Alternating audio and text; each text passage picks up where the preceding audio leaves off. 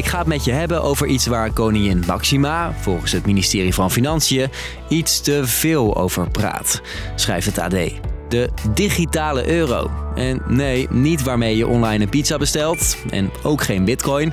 Weer iets anders. Eentje waar veel kritiek op is. De overheid krijgt inzicht in alles wat burgers doen.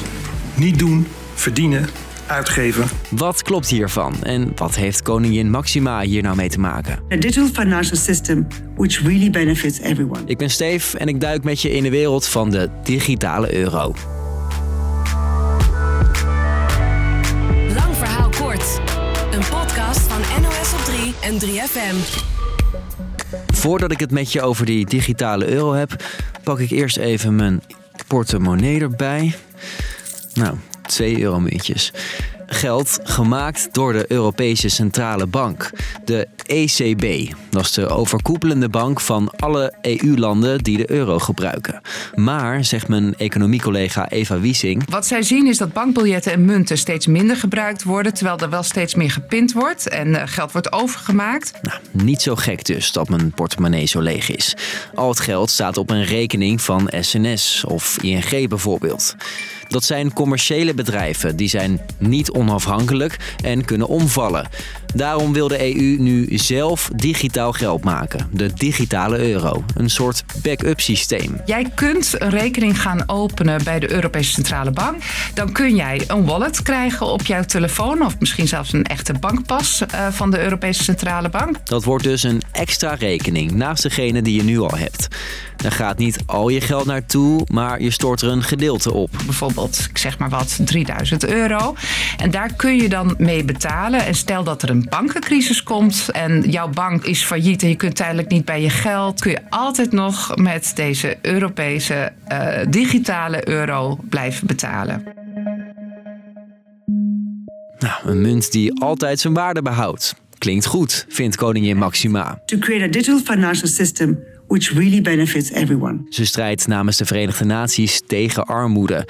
En de digitale euro moet ervoor zorgen dat meer mensen een rekening kunnen openen. Maar niet iedereen is blij dat de koningin zich met dit onderwerp bemoeit.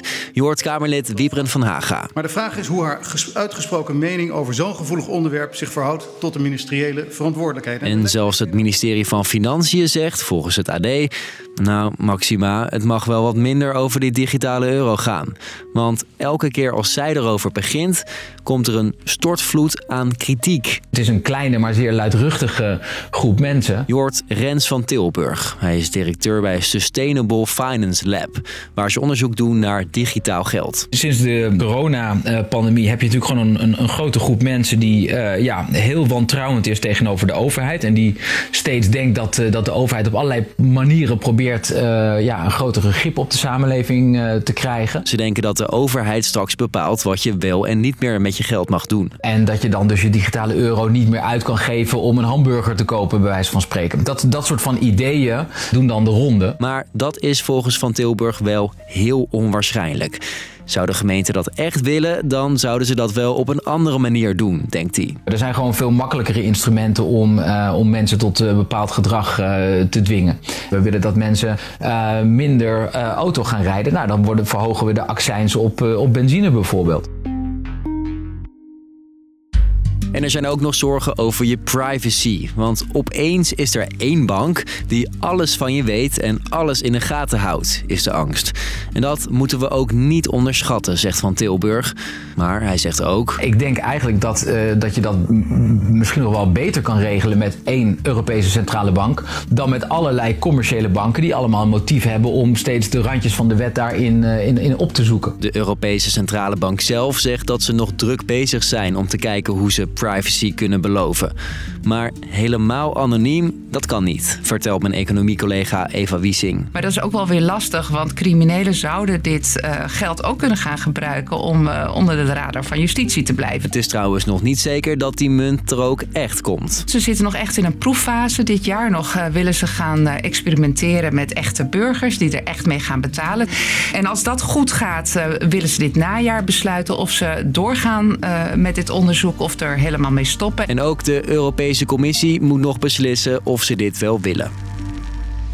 Dus, lang verhaal kort, de Europese digitale euro is in de maak. En daar is niet iedereen blij mee. Sommigen zijn bang dat de overheid straks al je uitgaven kan checken. Of dat ze zelf zeggen, je mag dit wel kopen en dit niet. Nou, lijkt allemaal niet erg waarschijnlijk. En volgens economen heeft zo'n digitale euro juist voordelen. Of en wanneer die er echt gaat komen, dat weten we nog niet. Nou, uitmuntend gedaan. Je hebt het einde van de podcast gehaald. Thanks voor het luisteren en tot morgen. Doei!